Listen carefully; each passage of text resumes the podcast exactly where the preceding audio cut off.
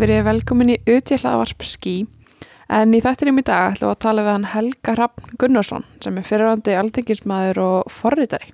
Já, við ræðum við hann um, um líðræði og svona tækni tengdri líðræði Já, og köfum í alls konar, alls konar hérna viðfangsefni og já, þetta eru líka svolítið svona stór málefni, svona svolítið stóru samhengi Mhm. og þetta er bara mjög skemmtilegt að fara svona að flakka á milli með tæknina samt sem rauða þráðin einhvern veginn algjörlega. í gegnum rafrænar kostningar, tölum um samfélagsmiðla, Mhm, tölum mikið um hugbúnað, opin hugbúnað, hugbúnað þróun eða svona. Einmitt. Um, þegar það verið að þróa hugbúnað á kostnað uh, Einmitt. skakkreðenda. og rítskoðun og, og hérna uh, hvernig uh, ríkistjórnir uh, eru að nýta tækni og, og hvað getur farið úrskeiðis og, og alls konar svo leiðis hvað er hættulegt og hérna já, þannig að við förum bara um viðan völl og, og ræðum hitt á þetta það var mjög gaman að fá Helga í heimsókn. já, gjöru þið svo vel Já, verið velkomin. Í dag ætlum við að tala um tækni og líðræði. En hann er komin til okkar, hann Helgi Rapp. já, fyrirvændi alþengismæður og forritari má, Mhm. má segja það? Já. Já, uh, þú ætlar að ræða við okkur um, um líðræði og svona uh, kannski áhrif áhrifin sem tækni hefur haft á líðræði og, og kannski sem við sjáum mun hafa og, og hérna já, bara svona kannski líka stöðuna á líðræði í dag, það er náttúrulega rosa bundi við tækni. Já, og svona tækifæri sem koma með tækni Já, og kosti og galla þeirra kannski í tengslu við líðræði. einmitt. Og það er náttúrulega, þetta er þetta er efni sem er kannski sengt að segja að einhver sé sérfræðingur í eða eitthvað svoleiðis og þetta verður meira bara spjall hjá okkur og við ætlum bara að ræða og, og velta upp hugmyndum saman Hvernig hljómar það? Bara ljómandi vel. Er það ekki? Já, takk fyrir að bjóða mér. Já, takk fyrir að koma Gott að fá þig. um, en, en það væri ekki samt gaman að, að fá svona smá bakgrunn á þig og, og, og hver þú ert uh, Þú varst náttúrulega að vinna sem hérna alþengismadur Jú, um tíma jú, jú. En myndur segja að það sé svona þín aðal svona skilgreining á þér eða ertu, ertu meira í einhverju öðru? Ekki fyrir mér, þetta, fyrir mér er þetta bara nokkur ára af, af lífi mínu, sko. Mhm. Það tímabundi gig. Já, tímabundi gig, sko. Verktaka vinna næstu Eiginlega, maður lítið á þannig. Ok, En hérna, ég hef alla tíð verið tölvunörd, sko.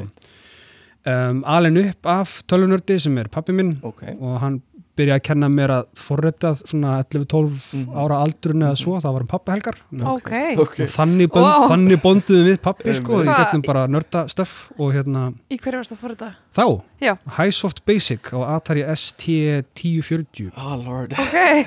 bestu leikjatölu fyrir og síðar okay. Ok. Ok. svo það sé sagt Svo það sé komið á hrein já, Mhm. já, ég ætla ekki að rífast í fólki um ok.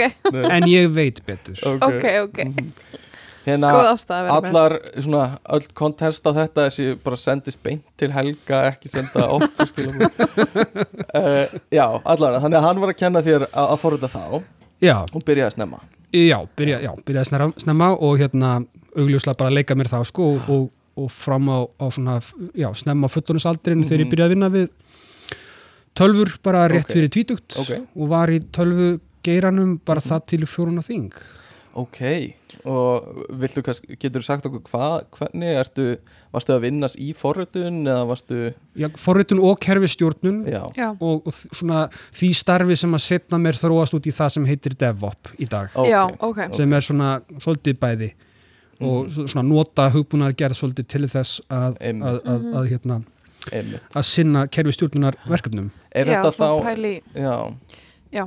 Er þetta, þetta, er ekki, þetta er ekki kannski alveg það sama og hérna IT crowd þættinir Eða hvað? Nei. Nei. Nei, ég hef nú ekki séð mjög mikið af þeim en Nei. Ertu í tækni þjónustu mikið? nei, nei ég, ég hef reynd að forðast notenduna sjálfa sem mest sko. Já.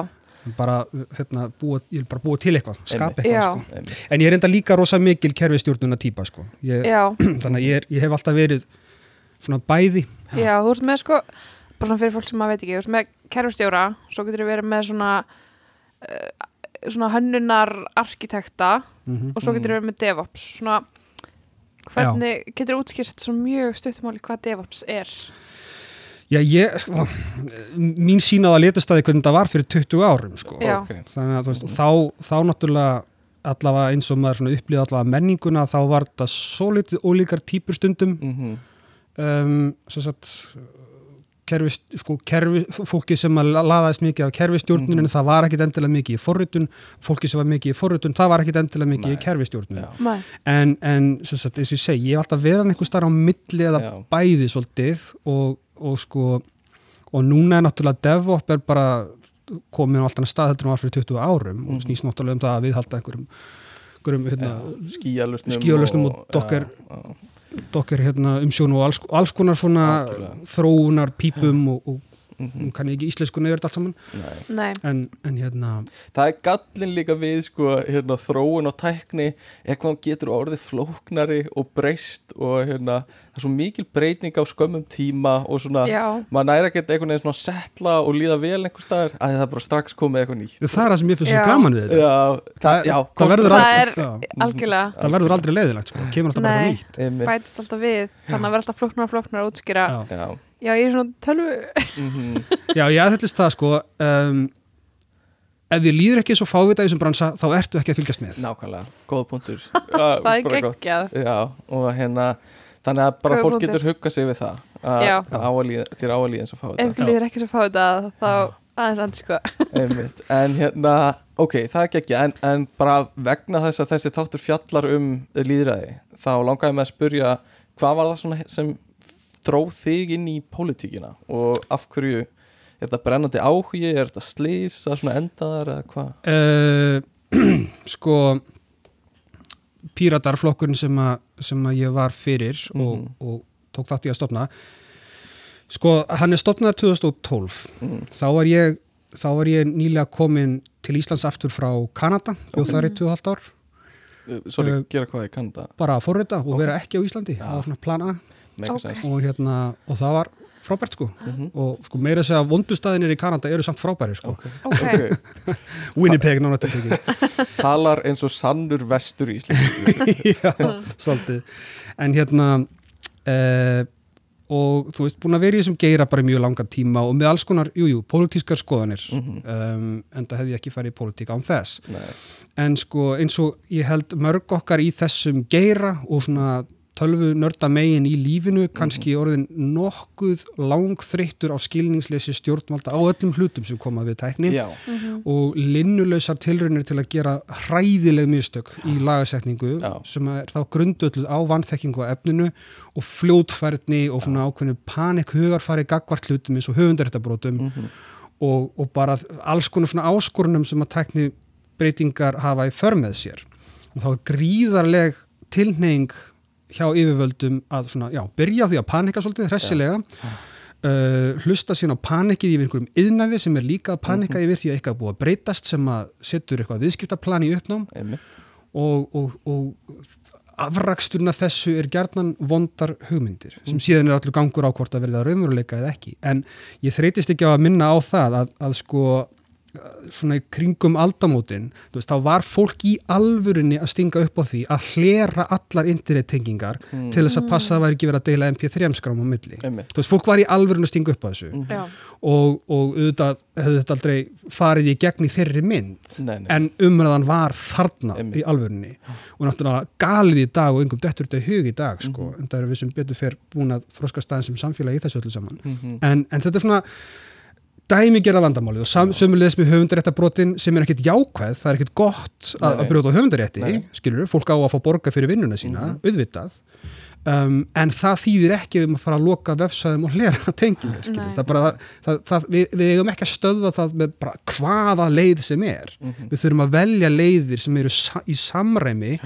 við undirleikjandi líðræðislega gildi Já. og þar komum við inn í stjórnmálin. Einmitt. hvað eru líðræðislega gildi í samhengi við tæknina? Einmitt. og á þessu í raun og veru, þaðan koma í raun og veru píratar sem flokkur, bæði hér og, og annar staðar. Það er, það er þegar sko þegar, þessi, þegar þessar spurningar fara að verða svolítið stórar hávarar og ábyrrandi hvernig yfirvöld er einhvern veginn bara ekki alveg með puttan á pólsinum Einmitt, einmitt. Þetta er, þetta er áhugavert af því þetta er bara tengist nákvæmlega því sem við vorum að tala um bara fyrir nokkru myndum er hvað tækni ferðast hratt og breytist hratt. Já.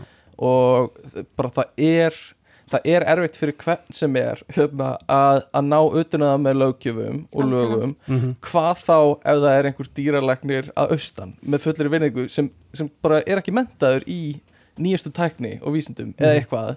Og að þú veist að fá alls konar fólk til að gera löggjöf um, um tækni og hafa engan beint tækni mentaðan á alþingi til að veist, svara fyrir þetta. Jú, jú, þau eru með einhverja stýrihópa og einhverja, svona, einhverja nefndir og eitthvað. Jú, en- jú, og fá til sín sérfræðinga. Já, en áherslan verður sennilega aldrei eða, jú, ok, ég er að se, tala svolítið harðast, en áherslan gæti orðið svolítið sko þetta gerist sko þetta gerist í sjálfu sér ekki beinlínis vegna þess að það er ekki sem sagt, sérfræðingar á alþingi heldur vegna þess að tæknin breytist svo hratt mm -hmm. áskoruninnar einhvern veginn bara svona slettast framann í andlitið á, á hagsmunaaðilum, yðnaði og stjórnvöldum Já, og þau bara þau hafa bókstaflega ekki haft tíma til að finna út í hvernig að breyðast við. Nei. og þau sjá vandamalið út frá svolítið gamalli linsu. Bara, og höfunduréttarmálin eru svolítið sko, gott dæmi um þetta mm Mhm. þess sem við heitum Píratar, flokkurinn sem ég er í. Um, vegna þess að þar er komið svona ofbúðslega gamalt sístem, ofbúðslega rótgróið þar sem eru gríðarlega miklir hagsmunir mm. og, og stór yðnaður hér sem annars staðar sem skyndilega verður fyrir því að svona grundvallar takmarkandi þátturinn já, í því sem að heldur viðskiptamóturinn og gangandi er farin já, hann er bara farin sem er það að þú þarft að kaupa geisladisk út í búð. Sá takmarkandi þáttur Já. að þú þarft að kaupa eitthvað og hérna og, og það er erfitt að fjölfölda það þannig að vel fari allavega sko, mér gæði og já, og þá náttúrulega bara fríkar fólk út vegna þess að það, það, hérna, þetta gerist bara allt í einu og engin sínilega lausn og, og hérna og, og svo framvegið sko, en það hefur nú reyndar sko, það nú ræst þokkalega úr þessum með höfundaréttin í sjálfu sér, allavega með hvernig var vegna þess, eins og við spáðum fyrir í, í flokki mínum og víðar í bransanum að það sem þurfti var bara einhver að bjóða almennlega þjónustu í veitingu og afþreyingar efni á sangjörnu verði. Og núna er það einfallega komið. Já eins og streymi sveitunar streymisveitunar nákvæmlega, Netflix og Spotify verða svona stóru nöfnin en það er til týjir ef ekki hundruður af þessum þjónustum. Já. það er ekkert mál að gera þetta í dag. Og fyrir vikið þá hreinlega nennir fólk ekki að fara og finna Pirate Bay eða hvað þetta er sem, að, sem fólk Akkurat. til dags. Það, það, kemur, það kemur líka inn í þetta er sko meðmæla hérna kerfið sem þau eru með sem er forsíðan á Netflix sem gefur þér upp hvað það átt að vilja horfa á.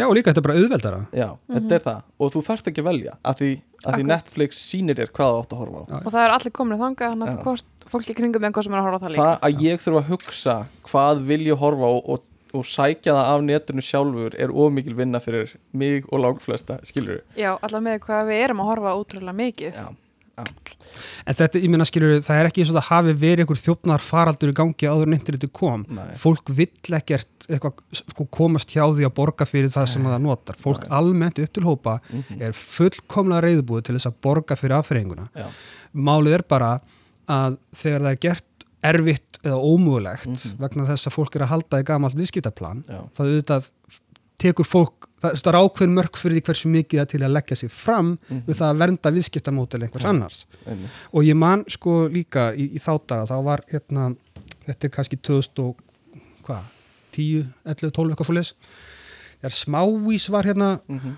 að hérna var á, á hérna stúnum þá var viðtalmanni við, við þá var hindi frangvöldastjóra þess batterís og, og þá var verið að spyrja sko, en hvað með Netflix, akkur kemur ekki Netflix til Íslands? Mm. og hann sagði já, við erum ekki með McDonalds lengur á, á, á Mm. Íslandi. Ég meina bara þetta eiga út í hafi. Af hverju ættu hér að vera eitthvað svona fyrirtæki?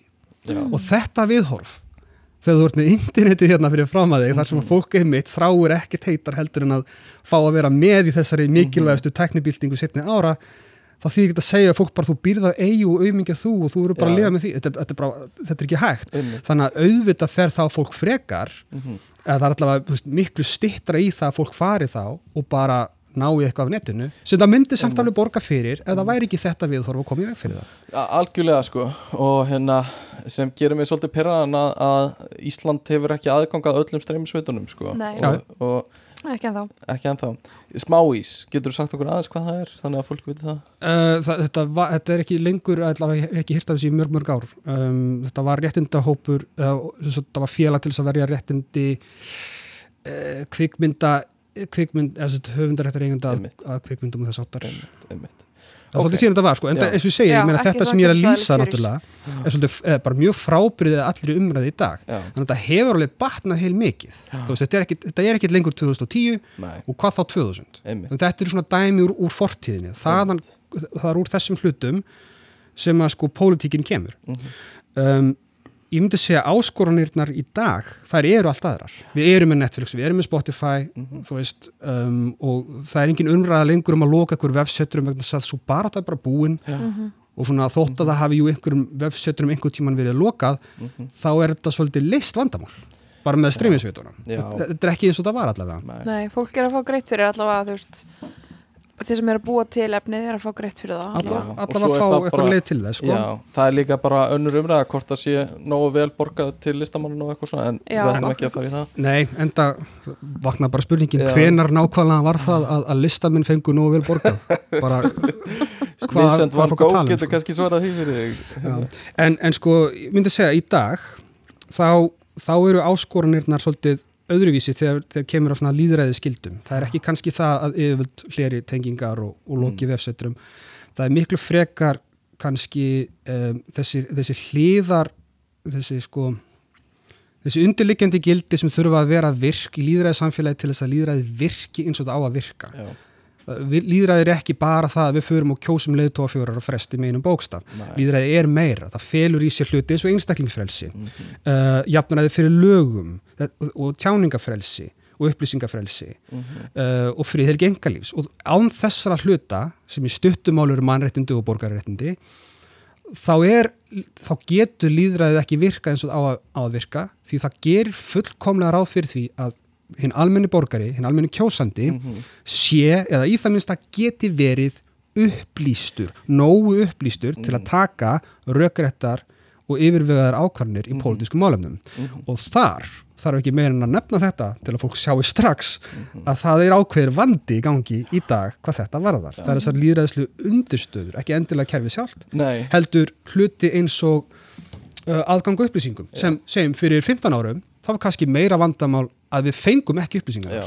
núna er kannski vandamáli meira það við fáum snjóflóða af upplýsingum og vitum ekki hva, hvað það er sem að við erum að finna þar inn í svona munurinn á því að, að hafa ekkert ljós og sjá ekkert Já. annars vegar og hins vegar að hafa ljós kastar augunum þér Já. og þess vegna sér ekki neitt Já.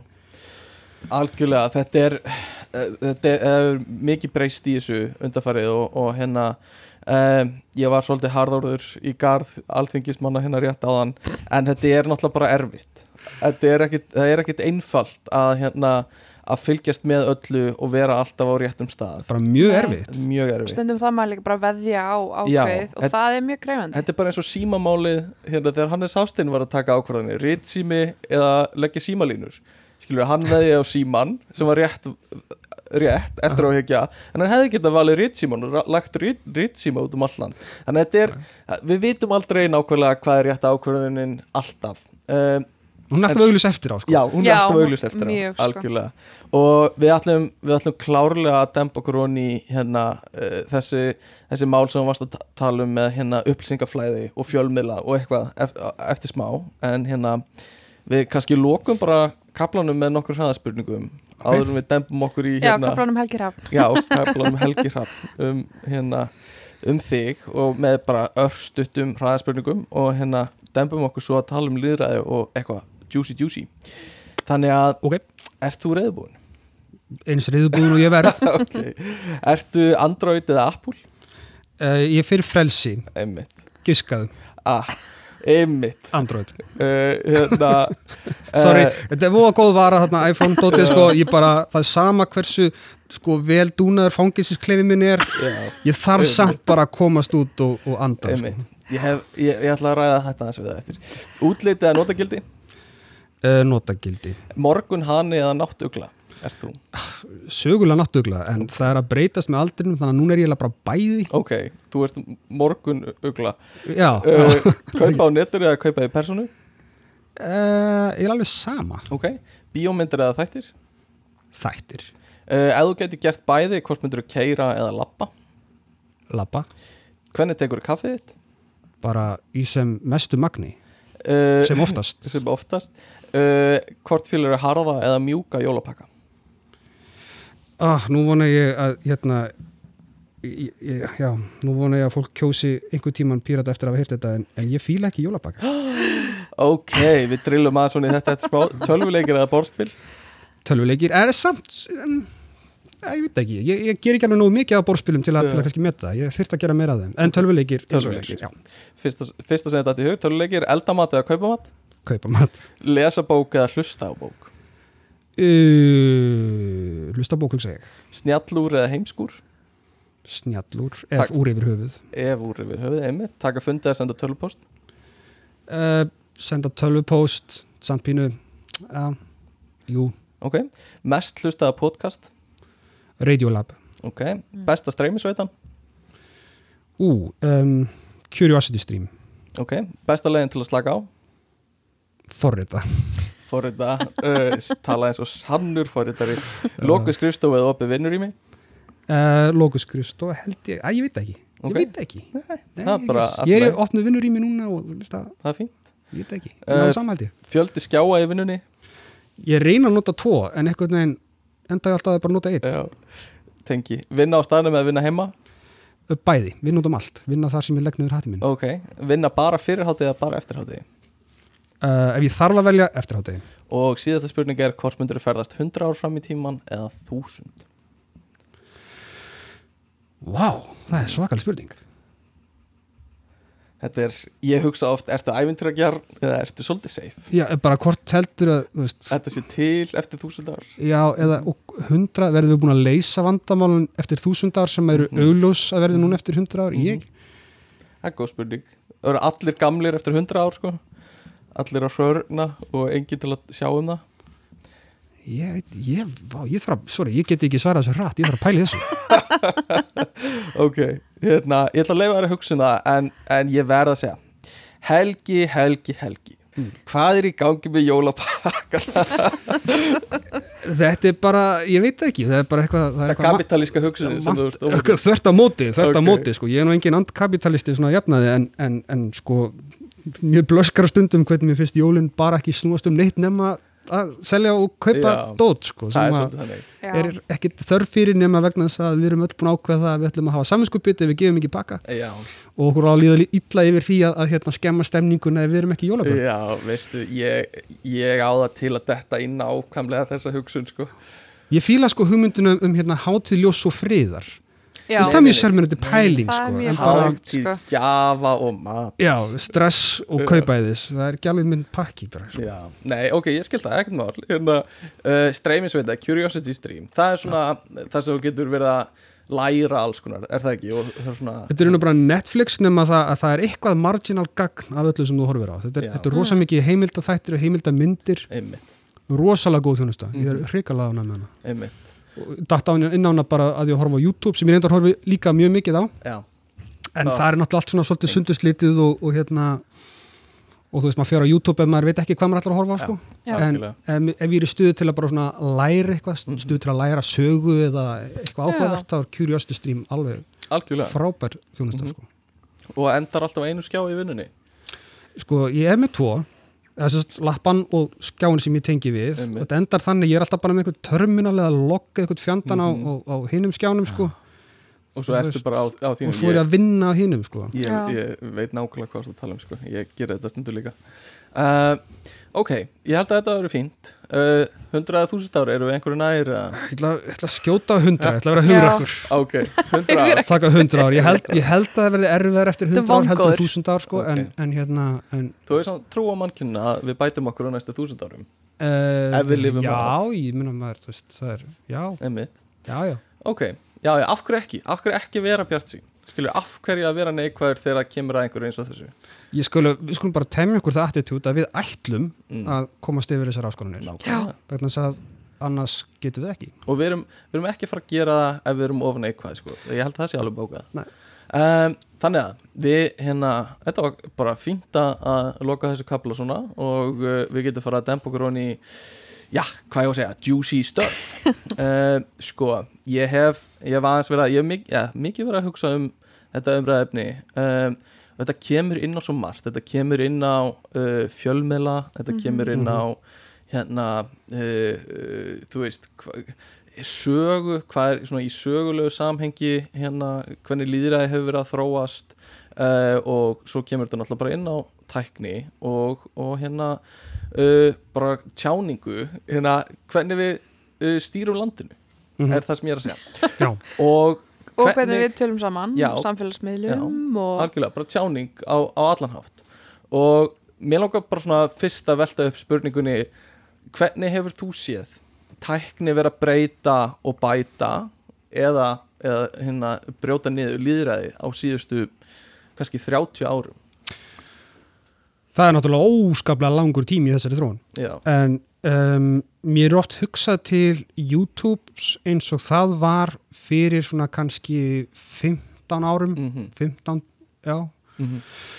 cirka þá sko þá var algoritminn allræmdi mjög Já. frumstæður. Og hann í raun og veru tengdi myndbönd bara saman út frá nafni. Já, og það sem fólk gerði, það var líka skilabóða mekanismi þar inni, þú gast sendt höfundum skilabóð mm og, og, og fólk gerði það mm, og úr þessu varð líka áður en að þú veist, YouTube rásir urðu svona ofbúslega fagmannlega gerðar eins og þær eru mjög margar í dag sko, að þá var þetta bara fólk sem kveikti bara á, á myndavelinu og sagði eitthvað sem að því fannst já, setti, gaf því einhver titil Já. og svo var einhver annar aðili sem kom og, og hlustaði á það og vildi svara því og postaði sínu, sínu ein myndbandi sem hétt næstu í samanum með re á undan, bara eins og í þessu. Og, og þá úr þessu varð ofbúslega mikil umræða, ekkert alltaf málefnalegu um og yfirveguð nei, nei. en hún átti sér stað. Mhm. og þarna var fólk að hittast svo, sko, sem að, og, og tala saman sem að, sem var í algjörum grundvallaratriðum ósamála um hvernig heimurinn er Mhm. og hvað við erum að gera hérna og þarna raks maður á múslima og kristna og mormúna og alls konar fólk með alls konar skoðanir Mhm. sem maður hefði aldrei heyrt um áður hvað þá þurft að takast á við eitthvað, eitthvað raukfræðilega og eins og ég segi þetta var ekkert alltaf yfir, yfirvegað og málefnanlegt en til lengdar yfir nokkur ára tímabila sem að ég var svolítið að taka þátt í þessu svona röggræðu sam, sko, samfélagi þarna inni einmitt. þá var fólk að skipta um grundvallarskoðanir Ok. þú veist, það var fólk að skipta um trúabröð skipta um, um sín á stjórnmál Ok. uh, skipta um, um sko hotlustuðu gagvart flokkum og alls konar. Það var mikil gróska í skoðana myndun á þessum tíma. Einmitt. En það sem gerist síðan allavega eins og ég upplifi internetið að þá fer, fara allar þessar þjónustur að, að læra það hvernig þær sníðað fólki það sem það vill sjá. Það sem það vill sjá. Mhm. og Akkurat. þar held ég að sé svolítið akkilesar hæll okkar þegar kemur að líðræðsleiri umræðu Mhm. er að ef við ætlum bara að taka þátt í þeirri umræðu þar sem fólk er á sömu bylgjulengd og við þá einangurust við í þeirri bylgjulengd. Já, og hún kann að vera rétt. Auðvitað finnst ég tín vera rétt annars væri ekki með hana og sömulegis hjá mér. En, en hún er einangruð þetta þýðir það að til dæmis ef ég fer á YouTube í dag þá þarf ég svolítið að hafa fyrir því ef ég ætla að fara að finna þessi sjónamið sem eru í grundvallaratriðum frábriðin minni bara þú veist, stuðningsfólks Trumps eða eitthvað svona eitthvað, sem, að, sem að mér finnst vera vitfyringar uh, og, og síðan taka þátt í einhverju, einhverju sko, samtali við þessa aðila og, og, og þannig að þeir hlusta á mig og ég hlusta á þau og, og eitthvað, þú veist, þetta er eiginlega ekki hægt sko. Þetta allavega verður aldrei þetta, þetta sko rökræðu umræðu samfélag sem að gatorlið til Nei, áður en það var stanslust verið að ótað okkur því sem við viljum sjá. Þetta er þetta maður er, verður í svo margróma og margum talaða bergmálshelli. Já, Já. einmitt, þetta er búblan sko. það sem heyri bara sem að þú segir sko. Þetta er mjög góðu punktur. Af því þetta er líka þetta er svo augljós tengt sko business modelum hjá fyrirtækjum. Og það þarf ekkert að, að hugsa lengi um það vegna þess að þú sérð bara fyrirtækin græða meira Já. á því að skipta upp í fylkingar. Já. um, þau græða meira á það koma fleiri klikk ef þú getur sko stíjað í sundur hópunum og polarisera það í, til eh, hérna hægri eða vinstri eða hvað sem þú vilt kalla það. Þannig að hérna uh, uh, algoritmin er að í rauninni gengur út á það þetta er ekki, þetta er ekki hérna einhver, þetta er þetta er ekki væntum þig hvort þér Nei, nei, er sína það sem nei, þú nei. sko. Og þetta er ekki sliðis heldur sko. þetta er í rauninni hvort sem það er upphaflega hugmyndin að einhver svona hérna, vondur vísindakall var svona skellir hlæjandi yfir því að hann væri búin að uppgöta þetta eða hvort það væri svona, svona óvart eitthvað sem þau uppgötuðu en þá er þetta alveg meðvitað hjá þeim núna hvort, hvernig sem það gerðist að polarisera til þess að, að íta undir uh, uh, sko sterkar tilfinningar Já, markmiðið er að selja auglýsingar Já. og upplýsingar og það markmið næst best með því að halda þér við skjáin sem lengst Já. og þeir haldið við skjáin sem lengst með því að gefa þér það sem þú vilt Já.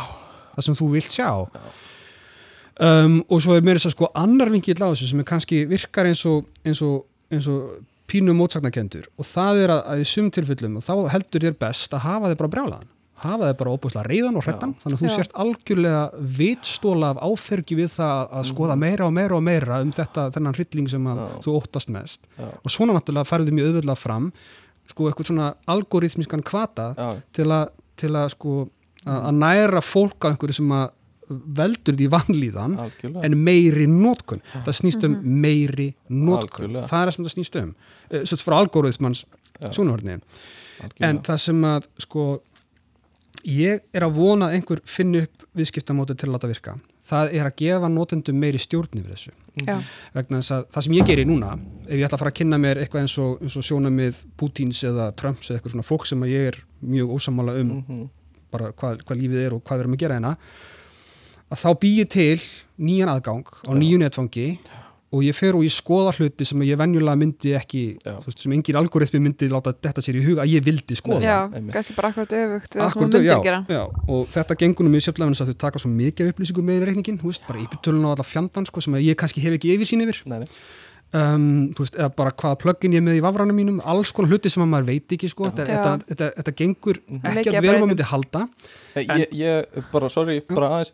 Ég hérna, hef verið að skoða þetta ég hef aðeins verið að vinna í þessu að, að hérna, greina notendur út frá öðru heldur en username heldur bara alls konar og það er gert ógeðslega mikið. Já, þetta eru tengdir sama reikningar Já. óháð, þú veist, að eigi ekki vera teng tengingar á milli. Já, þetta eru sér bara- vísindi þetta eru 100% vísindi sem þeir hafa lagt mikla vinnu í er að Já. greina út einstaklinga út frá hlutum sem er ekki Já.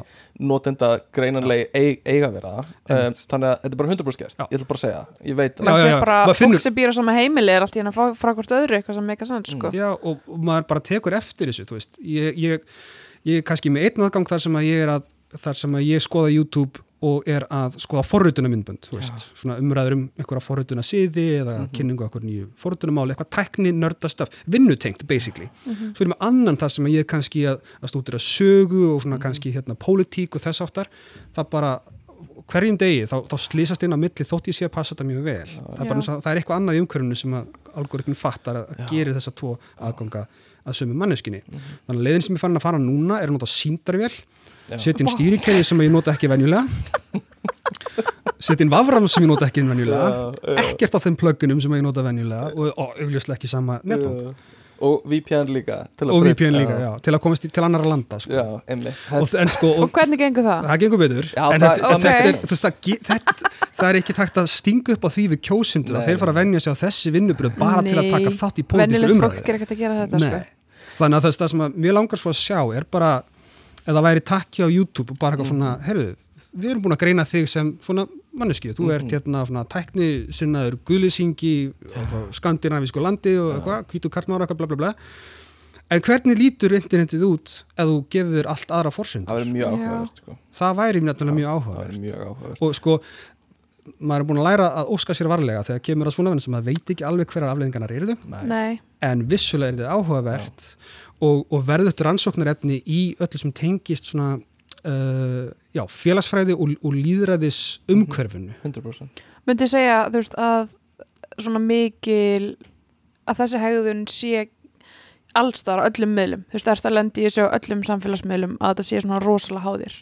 Þú veist, á, þú veist, þetta er mjög háðir til dæmis á TikTok og eitthvað svo leiðis veist, og YouTube en eins og bara þessi samfélagsmiðlar sem voru kannski með þessi fjölbreytara fólk. Eh, Twitter Facebook, er allir miðlarnir eins svona rosalega sérhæfir fyrir þig? Mm, ég, að þú náttúrulega getur verið með vini sem er um alltaf að skoðun heldur en þú. Já, ég hef ekki notað sko, ég hef ekki nota sam, neina aðra samfélagsmiðla heldur svona það sem ég hef neðst til að nota núna í dagkvæm tíma. Já. ég ætlaði að hætta þeim öllum mm, hef oft ætlaði að hætta þeim öllum og ég er hættur að þeim lang flestum já, en, en eh, Facebook er, maður er bara ekkert með íslenskt vegabrið ef Nei, maður er ekki á Facebook, það er bara Nei, raunveruleikinn sem að stenda fram fyrir sko. sko. já, og, hérna, og hvað þá þegar maður er svona einhverjum bransa sem er samsamt á tölunrötum sko. já, Mhm. en hérna YouTube finn ég þetta rosalega stert alveg rosalega stert á YouTube og Google já. Ég, ég hugsa að þetta sé mjög algitt, ég veit ekki hvernig það er á Twitter eða LinkedIn en á flestum öðrum stöðum. Þar sem, líka þar sem uh, þú ert augljóslega varan, þá er þetta svona. Já, já. Já, um, en hérna bara svona aðeins til að loka á það sem við vorum að tala um áðan uh, hérna með, með polarisýringuna að hérna uh, þetta er líka uh, þetta er spennandi sko, í fyrsta lagi þá hljómar þetta rosa mikið eins og samsverðiskenningar sem við erum að tala um eða sko ég er allavega oft meðvitaður um það að þegar ég er að ræða þetta þá hljóma ég svolítið svona "Þau- þau eru allir að fylgjast með þér og gera allt sem eitthvað svona en bara ef við tökum það rólega, það er bara þannig Já, já. þetta er bara svona uh, og svo bara hvernig þú nálgast það hérna, hvort þú hljómar eins og samsæðiskenninga manneskið ekki Aha. en uh, að því, já, tengt samsæðiskenningum er Ok. að fólk sem er á öfga skoðunum kannski, maður hefur aðla síða hægra megin en líka vinstra megin þá er sko, það er einhver spenna í því að, að sjá eitthvað hræðilegt gerast. Eins og hérna bara, þú veist, ég er alltaf fyrstur að klikka á nýjar fréttir um, um stríði í Úkrænu og hérna ef þú ert komin á þann stað að það er verið að sannfæra þig um að það sé búið að stela kostningum eða að það sé einhver, einhver svona eitthvað deep state eins og QAnon og svona bara þessar alvöru samsæðiskenningar QAnon. Það er bara svona svolítið, svolítið stór samsæðiskenning í bandaríkjónum Það er erfitt að lýsa því hvað það er það er bara rosa loðið sko.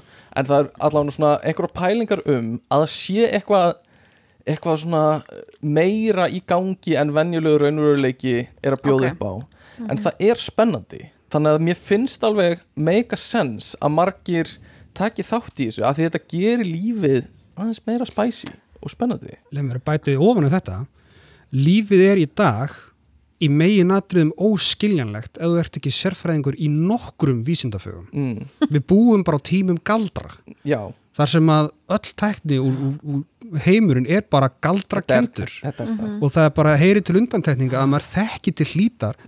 Sko bara hversdagslega tækni, bara reyfiskinjar hvernig, þetta er bara galdur 100% skilur algjörlega. Algjörlega. og fólk sem Það vinnur er svo í rosalega sér já, Já, já, og fólk þannig sem vinnur í 5G þekkir ekki treyfiskinnir að tækni bara mjög nákvæmt hvað þú kant og hvað þú kant ekki. Undirgreinarnar eru orðnar svo rosalega stórar. Já, og þetta er bara orðið svo mikið og heimurinn er hann svo fjarlægur sko, þessu umhverfi sem að við þróuðumst í veist, sem er bara mjög svona brútal fysikal heimur einhver þar sem að þú veist, Bara þú það, það er einhver eftir. og það er ekki skamtafræði og afstæðiskenning og geimferðir og eitthvað svona. Einmitt. En núna einhvern veginn eigum við að vera komið með þokkala þekkingu á ofbúslega djúpum hlutum og mörgum sem að eru ekki í einu tengslum við okkar náttúrulegu skinjun út frá þróunasögu okkar og þetta þegar þú fæðist inn í þennan heim í dag Mhm. og elst upp í dag þar sem að hreyfiskinjar eru eðleir og þú getur flakkað um heiminu Google Earth þá þartu að venja þá heim sem þú skilur ekki og er ótrúlegur og er algjörlega ótrúlegur. Og eins og ég segi stundum við, hérna, við vinni mína sem eru mikið fyrir trúabröð uh, það sem ég trúi út frá vísindalega þekkingu mína á nokkur vísindagreinum Mhm.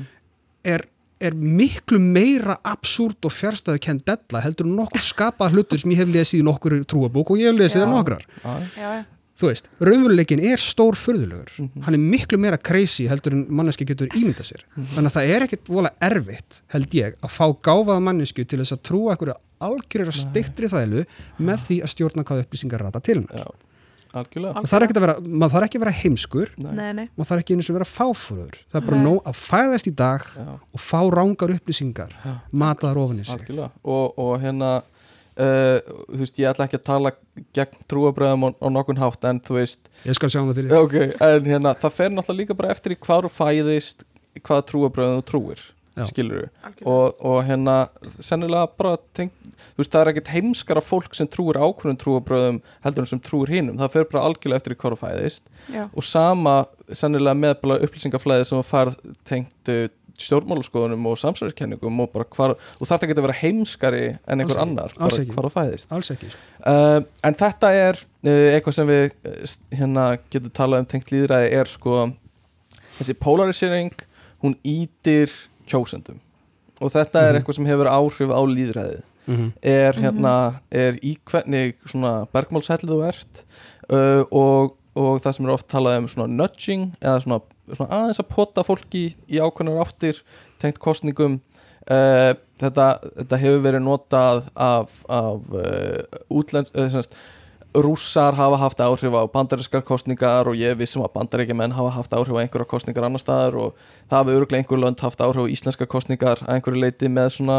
hérna, svona samfélagsmeðla uh, hérna, nudging eða einhverju svo leiðis uh, þannig að hérna myndur segja að þetta sé neikvæð þróun, heldur þetta haldi áfram? Eða trúir þú yfir höfuð að það sé gangi einhvers konar svona íting og samfélagsmeðlar hafi áhrif á kostningar alveg klárlega. Mm Mhm. og mér finnst það mjög augljóst líka og ég veit ekki af hverju að þeir ættu ekki að gera það Mhm. vegna þess að sko það að, að, að til dæmis Rússland reyna að hafa áhrif á kostningar í bandaríkjunum er ekkert nýtt Nei. það var alltaf verið að reyna það mm. það eina sem er nýtt er hversu vel það hefur tekist Mm. og það er auðvitað bara vegna þess að Rússland hefur staðið sig ákveðlega í, í hérna í upplýsingahernaði sko Já, um, og fleiri öll, ég meina þú veist það er alveg hægt að líta á ákveðna tegund af auglýsingu sem upplýsingahernað ef þú vilt sko, Já, þannig að það er ekkit bara Rússland og, Mhm. og eitthvað svoleiðis ríki sem er í því, það er bara fjölmargir aðilar mjög víða mm og í ímissir stærðargráðu og í ímsum tilgangi. Sum þeirra eru að gera annað heldur en, heldur en önnur. -hmm. um, sko það sem ég hefur einhverjum verið mestar áhyggjur af þegar kemur þessu öllu saman er að uh, með þessari polariseringu mm. uh, sko, ég veit ekki einu sinni hvort að ég held að pólasi- pól, polariseringen sé sko afleiðing af af því að fólk er smátt og smátt að svona veginn missa trúna á það að það sé einhver tilgangur með því að, að rökræða hluti Mhm. eða Já. að skiptast á skoðunum Mm. vegna þess að ég, sko, hvort sem að ég lít til hægri eða vinstri og ég á slattaði vinum begja megin og í miðjunni og upp og niður út um allt að þá finn ég allstaðar Mhm. bara minna þólgagvart öndverðum skoðunum og ég er ekki bara að tala um eitthvað haturs áróður og Já. eitthvað sem við getum öll verið sammála um sér slengt, ég er að tala um anduð á ólíkum skoðunum Mhm. bara það að þú viljir hækka skatta eða lækka skatta að það, því mér finnst eins og það sé minna og minna þól fyrir bara ólíkum skoðunum þvert yfir Einmitt. þvert yfir borðið, alveg sama hvert umræðefnið er og alveg sama Mhm. hvar fólk stendur og sömulegði svona ákveðin tilheng til þess að til að sko taka línuna hinga og ekki lengra, nú er búið að ræða þetta Já. og þýðir ekkert að ræða þetta meira Nei. og núna þarf bara að fara og, og, þú veist, og, og, og beita taktík sem höfðar ekki til domgrindar fólks Já. Og heldur höfðar til, sam, sko, höfðar til kannski hérna uh, þú veist, bara tilfinninga þess þú veist, láta því bara Já. líða illa með skoðunum sína, frekar heldur en að höfða til sko, Einmitt. raukhugsunar með að sína fram á að þessi Já. öfurlega skoðun eða vonda skoðun Já.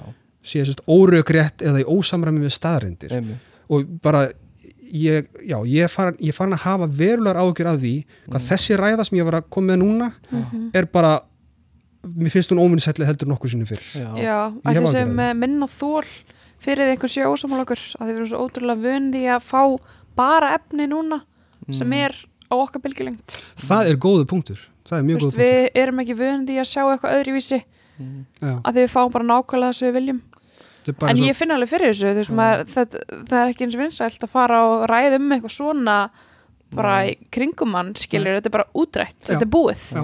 fólk er orðið þreytt Já. en það er kannski líka að því að þegar eitthvað hefur verið tekið fyrir að þá til dæmis eins og Íslandi þá gengur allt í kringum það. Veist, það er umræðefni um eitthvað sem einhver ósamálum eitthvað kom upp. Mm. þá er bara allt, snýst allt um það. Það verður svo Já. ykt hérna heima. Já, já, já, já. Þannig að maður verður svo, þú veist, það bara, ég veit ekki, þú veist, ég vil ekki vera eitthvað að taka, einhver, eh, svo vil maður ekki taka einhverjar lið heldur, en þið veitir, þú veist, einhver var ósamála einhver auglýsingu. Mhm. og þetta er það eina sem þú heyrir í matsalum, skiljur, þú veist, þú, þú flýrð ekki um, umræðin en heima, af því hún er allstaðar, Já. skilur, það þú bara heyrir hann í röðinni þú heyrir hann þarna, þú veist, að við erum svo lítið samfélag. Einmitt, mm, þannig að þetta er svo kannski líka svona já, já. Já, ég var ekki með hennar spurningu í þessu. nei, nei, nei. en, Nei, mér finnst þetta bara frábæra punktur. Ég, en held, svo, já, ég held að sé líka sko skoðan stress er að verða svolítið meira. Já Já, þú hafi- getur líka verið tekinn fyrir og bara, já, fyrir áhyggjur af því að þú sért ekki bara með rétt- kansilaður, sko. Já, og, og sko meira þess að bara það að kalla það cancel þá, þá getum við alveg ímynd okkur á nokkur hlustundur farið og, og, og rífist yfir því. En, en hérna hvort að það er sér til eða hvað það er og allt þetta. En Já. sko, ég, ég náttúrulega er búin að vera í pólitísku umhverfi núna í mörg ár sko, en ég þekki líka alveg fólk sem er ekkit voðalega pólitíst Nei. og það segir mér bara berum orðum skilur, þú. Fer ekkert á Twitter og ætlar að vera með eitthvað pólitíska skoðunir, þú, þú fer á Twitter og þú gerir grín og glens og gaman og, og, og eitthvað þannig en þú bara, þú passar á því að vera ekki að engage of mikið eins að þú sérð Já. alveg hvað getur gerst Já, Já. og þú þarft ekki að lenda í það sjálf til þess, Nei. þú bara sérð já, maður þekkir alveg fólk sem að þú veist, maður hefur þurft að hugga grátandi Mhm. vegna þess að það sagði eitthvað vittlust um fótbolt á Twitter fullorðið Akkurat. fólk, fullorðið Akkurat. fólk skilur sem er bara að upplifa einelti sem að við erum ekki að venjast sko, eða við erum ekki vöna að sjá nema Mhm. Já. bara frá 12 ára börnum sko. akkurat Twitter er gaman nema að þú ertan þann daginn sko Já. S- Já. hef, hefur maður heyrt það verður rosa svona, veist, það er alltaf bara eitt eða tvö topic hvern daginn, sko Já. það verður rosa ég vissum mikið, að sko fólk er ekkert líka ofta að reyna að vera leðilegt það þarf ekki að reyna að vera En ekki, það sko er bara- það getur allt verið tekið líka Já. samhengi já. en við getum rætt Twitter hérna í alla Já, dag já. sko. Já, já, það þannig. en þetta er, við vorum að tala um hvað vorum við nú að tala um já, hvernig tæknin nudging, hefur haft já, áhrif og, og kostningar en En svo ef maður sé líka alls konar núna ok, kannski síðasta pólitísk og svo getur fært ykkur hana mm. en þú veist, maður sé líka alls konar í mörgum samfélagum núna að það er svona svolítið svona hægri bylgja. Þú veist, við erum með um, hérna Brasilíu og Ítalíu og eitthvað svona. Mm. þú veist, er, erum við að sjá það eða er þetta bara eitthvað sem er alltaf að gerast? Er alltaf bara svona upp og niður í báðar áttir í pólitíkinni? Eða eru samfélagsmeðlarnir og pólitísringin að hafa áhrif á þetta? Já, ég, ég, ef þú vilt svara ég er með einhverja skoðanir en það er alltaf bara COVID hefur haft áhrif líka Já. að fólk er pyrrað og vil prófa eitthvað nýtt og, og hérna fara í, í ígjur og fara Mhm. lengra í ákveðna áttir og já, um, það já, já, ég, þetta sé mjög margir þættir sem hafa áhrif á það en, en klárlega þessi polarisering hafi, hafi sinn þátt í því uh, ég reyndar líka þeirrar skoðunar alveg burt sér frá tækni að sko þau eru komið með nokkar kynsluður, kannski tvær, þrjár kynsluður af fólki sem að ólst upp við eitthvað fyrirkomulag, Mhm. þá byrjar það að taka því sem sjálfsögum hlut. Já, eins og, og, og ég meina við hugsaum aðeins til bandaríkjana, ég meina það hefur alltaf verið svolítið stert sko í bandaríkjanum það viðhorfað bandaríkin séu ekki líðræðisríki heldur líðveldi eh, not a democracy but a republic. Já, og greinamurinn verandi þá sá að, að democracy, að líðræði er það sem að meiri hlutin ræður Mhm. öllu og kúar minni hlutan og einstaklingin en líðveldi sé þar sem einstaklingurinn sjálfur ræður sínu mm, og það þarf ekki að taka þessar ákvarðin til að byrja með. Mm og það, sko, þetta er alveg áhugaverð fræðileg orðræða og Já. umræða sem að allavega mér finnst mjög áhugaverð og mikið til í báðum megin, þetta er ekkit svart hvítt. Líðræð og einstaklingsfrelsi eru uh, tvær hliðar á sama teningi en það er samt stundum þú veist, mótsagnir í því hvernig, það, hvernig byrtingamind þess reynist. Mhm. Bara sem dæmi þegar meir hlutin ákveður að fólk skuli ekki vera samkynnneitt Mhm. þú veist, eitthvað sem er bara, þú veist, kannski meir hlutin vill það en hann bara, hann er að, hann að taka sama sjálfsákurnar réttin af einstaklingnum sem að þessi sami hópur þykist eiga. Akkurat, þú veist, það er lýðræði ástæð þá. fyrir því að við vorum að kjósa fólk fyrir okkur að því við getum ekki mætt og tala fyrir okkur hvern einasta dag, þú veist, það er ástæð fyrir við kjósum fólk Já, fyrir lí- okkur, sko, líka, já, líka bara að frelsið er á, er á sko missetnum skala, sko. Já, algjörlega það eru nokkri skalar. Allavega, þessi orðræða, fræðilega áhugaverða orðræði í bandaríkjunum, hún er núna orðin þannig að þegar sagt, Donald Trump og hans hiski fer og, og grefur undan sko, sko grundvelli líðræðisins sjálfs sem er bara það að það séu líðræðislar kostningar yfir höfuð þar að segja þær sem hann getur tapað í að þá kemur ljós að það er fullt af fólk hérna sem að sko bölsótast yfir því að líðræðið sé ekki virt og það sé að vera falsa kostningar og guðmönda hvað en hefur engan sérstakann áhuga á því að laga það mm. já, einmitt hefur engan sérstakann áhuga á því mm og setur flest annað miklu herra í forgang Mhm. og þetta er náttúrulega vegna þess að hérna að bara fólk veit ekki stundum hvaða hefur fyrir það hefur mistað sko. veit ekki alveg Já. hva, hvað, er, hvað er að gera ráð fyrir því að stór hluti af, af sko bæði velmegun og frelsi og bara öllum góðum gildum sem við getum trúað á byggist af einhverju sem að við erum orðin svo vön og sko og foreldrar okkar voru vanir og, og, og, og foreldrar þeirra Mhm. að einhver kemur og segir hörðu, við skulum bara hafa hana Trump ráð öllu Mhm. og það bara hljómar ekkert svo illa Nei. vegna þess að þú hefur ekki samanbyrð við neitt Nei, algjörlega. og, og hérna fólk er ofta að gleyma sögunni sko. Já, heldur betur og þá algjörlega. mögulega endur tekur úr sig. Við tökum annar ring af smá einræði og hérna Já. önnur bylting og eitthvað, nei ég segi svo en, En- þetta er algjörlega. Og uh, hvað Við segir við? getum ekki talað um sko, tækni og líðra og þess að fara hún í rafrænu kostningarnar. Æmitt, Ég er svo spennt að taka það. ok, Erum við til í það? Já, já. Ok. Segðast, Hvað finnst okkur um að kostningar væru rafrænar en ekki lengur mm með uh, kjör hvað er þetta? Kjörkvassum og, og Kjörkvæsum og kjörsæðlum kjörseðlum Já, pappír og Físískum. bítum og svo leiðis Mhm.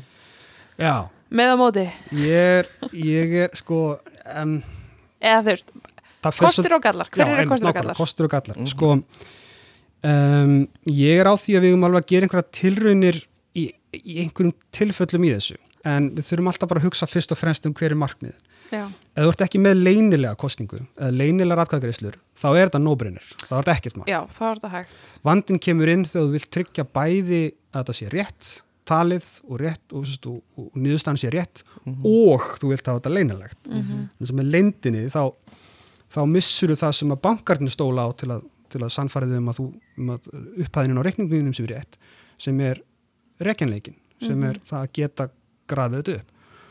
Akkurat. Og sko þessi spurning hvort að kostningar er að vera leynilegar hún er grundvallaratrið í sumum kostningum skiptir yngum máli í öðrum Nei. og sem dæmi ofta á, á flokkstingum og svona þar sem er verið að greiða atkvæðum einhverja stefnur þá er bara. Já, það, er- það er engin leynd og ekki engin tilrun til að hafa leynd Nei. allt í lagi að nota tölvur til þess Mhm. en sko og jafnvel sko finnst mér þegar kemur að vali á fólki í í stofnunir og flokka og, og svona sko jafnvel einhver leiti á sveitastjórnar stíginu þegar eins og kemur að segjum alþingiskostningum eða þjóðarkvæðgreislu um aðeld að ESB eitthvað svona risavaksin málefni sem hafa raunverulega og mikla hagsmunni e, í för með sér fyrir sko vígbúin stórveldi sem eru bókstala með herdeld af hökkurum eins og Rúsland eða Kína eða Bandaríkin eða þú veist, eða Danmörk skilur, eða kannski ekki Danmörk en þú veist, Og við maður erum þarf með ekki að fara langt í burtu. Já, við erum með Sindis sem er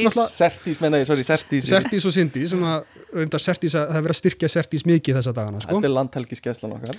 Já, þetta Já, er gott og, fólk. og loksis fara að taka það svolítið alvarlega. Það, það verið, þetta er ekki verið sko, það er ekki verið, verið nóg mikill stuðningur gegn tíðina við þetta en, en það er gott að sjá það breytast hrætt og mikið núna en vissulega Sindis sem er frábært fyrirtæki og allt það en samt Flott í fólk. 360.000 manna samfélagi sem er að keppa við sko þú veist, Rúsland Mhm. eða, eða eitthvað jafnvel þar nær Mhm.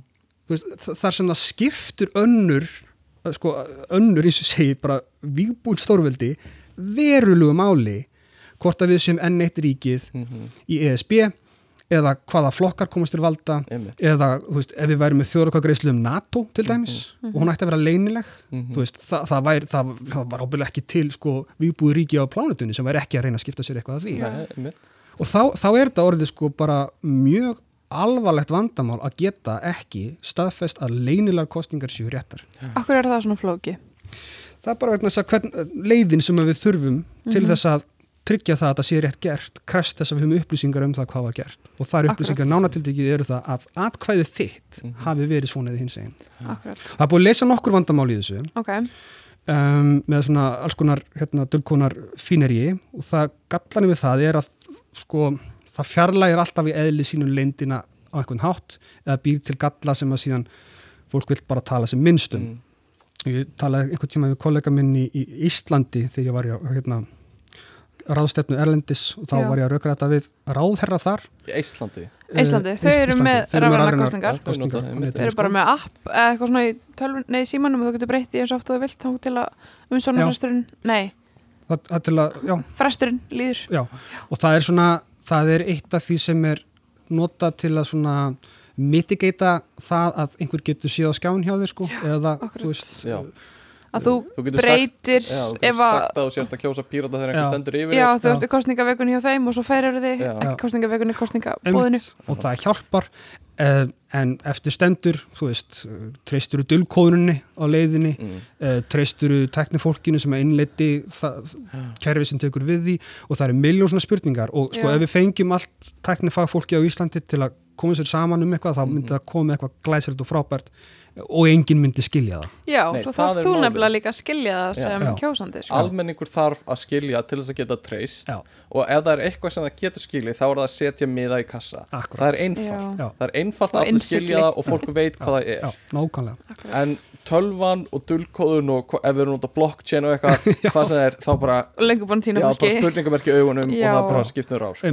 Og maður veit að sko ef maður hefur reynd að fá fólk til að nota dulkóðan tölvupóst Já. þá veit maður hvað þetta, þetta, er- hvað þetta þarf að vera rosalega einfalt til að fólk Einmitt. það og skiljanlega, þetta er flókið, dulkóðan flókið algjörlega en þú varst að tala um einhvern frá Íslandi sem þú varst að ræða við að ráðherra, uh, Anna minni með hún hafi heitið ég, hérna, uh, þetta er fyrir mörgum árum síðan sko, og, Mhm. og hérna, hún var voðalega svona, móðguð yfir þessum áhyggjum mínum að þessu sko, og taldi, taldi þau hafa leist öll þessi vandamál. Okay. ok, en en sagt, þú veist, maður fór á svo potaði aðeins í það, bara mm hvernig treystur því að, að, að þessi tæknimanneskja sé ekki í slagtói við hina tæknimanneskjuna?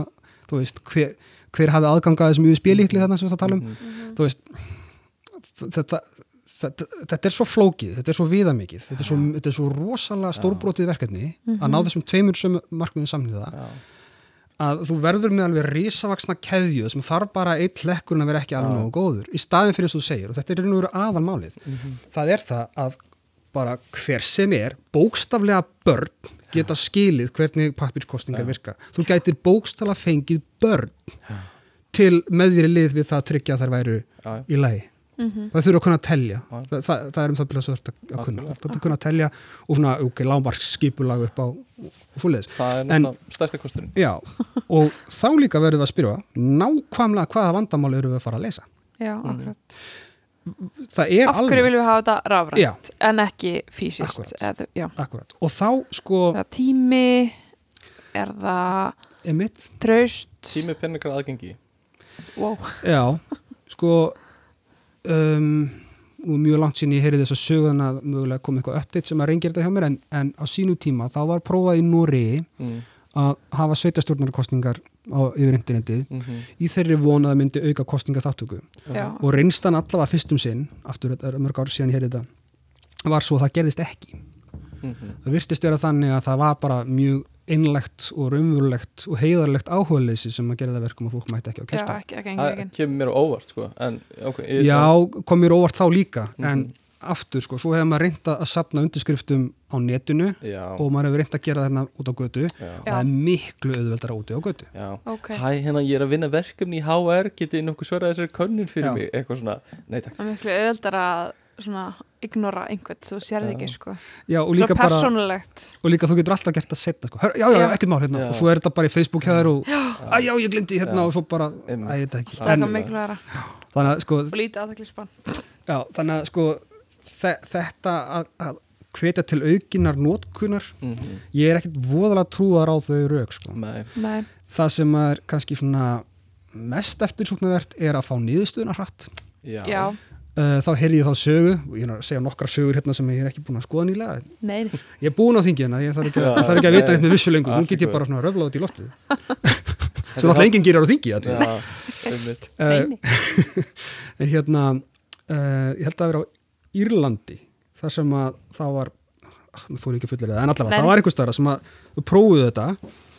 Og, og hættu viðvins að þau bara söknuðu stemningarinnar Já, já, ég, bara skil fram á það. nótt og þú veist, Já. þetta Já. er bara svo fótbolti fyrir sem sko. vöflubóðin Breytingar, og sko. býða eftir niðurstöðum og eitthvað Já, algjörlega Sko, það sem ég ímynda mér í mínum huga væri, það væri svo auðvelt að setja fleiri mál fyrir þjóðina reyndar það, það er svona það helsta sem ég ímynda mér en þá kemur líka spurningin er það betra?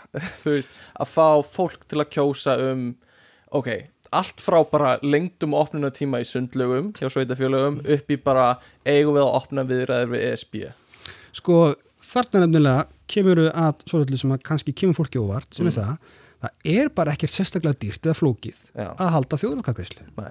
það bara er það ekki, Mhm. þetta er ekki stórt vandamál Mhm. uh, sko, og meira segja, ég meina ég þykist nú viss um það að píratar séu sennilega með róttækustu skoðunar, skoðunar á því hversu oft ætti að vera að halda þjóðlokagreislu Mhm. það er nú samt ekki róttækana það að þess, róttækasta tillagan sem liggur fyrir í Mm. pólitík á Íslandi að mér vitandi fyrir og síðar er svo að 10% kjós, kjósenda gætu mótmall lögum sem alþingi er búið að samþykja og knúið fram þjóðlokagreislu ok, ef við berum þetta saman við málefnin þar sem hefur tekist að sapna einhver viðlíka magni af undirskriftum þá jafnvel sko á umbrótatímum myndi ég gera ráð fyrir kannski einni á ári. Já. Sem er í fyrsta lega ekki dóðalega mikið. Að við myndum ná að sapna 10.000 nei, 30. þrjá- Tí- 30.000 undirskriftum 35.000 undirskriftum. Einu svona ári. Já, þi, sko á umbrótatímum umbrotatímum, sko, einmitt, þú veist, einmitt, einmitt. 2012 sko, eða 10 eða eitthvað svona sko. A, og, og við, við höfum alveg söguleg gögn um það hvenar slíkur samtakamáttur hefur náðst. Og hann Einmitt. náðist þarna náttúrulega svo frækt var í ISAF Mhm. já, um, hann náðist í hérna kvótamáli yfir hérna þegar, þegar hérna makrítin kom til landsins þá var, hérna, Mm. þá var eitthvað mál með kvótasetning á honum sem að náði mik miklu flugi þriði orkupakkin til dæmis náði ekki nei. Nei. en myndi þetta ná þá til að líka fyrir vantraustilögu frá þjóðinni þess vegna, það náttúrulega myndi mjög sjaldan gerast þetta vegna þess að það er sama þjóðin sem kýs fólk sko. mm. um, uh, og sko þetta eru tilugunar sem að eru til skrifaðar og hafa verið lagðar fram sem frumöður Mm -hmm. og jafnvel þú myndir halda þetta einu svona ári það, væri, það myndi enginn taka eftir þessum kostnaði. Og, og hérna fyrir það ég held ekki að þetta væri einu svona ári. Nei. Um, í ofanálag þá hygg ég reyndar að sko það, það sem að kæmi best fram með því að hafa einhverja tegunda beinu líður eða þessari sort eru ekki atkvæðagreisluna sjálfar. Nei, heldur uh, heldur ægivaldið sem þær hefðu á málaganga á alþingi. Mm. ég held að myndi draga úr málþófi mjög verulega uh, og svona það sem við köllum stundum dagskarar ofbeldis aðferðum Ok. á alþingi.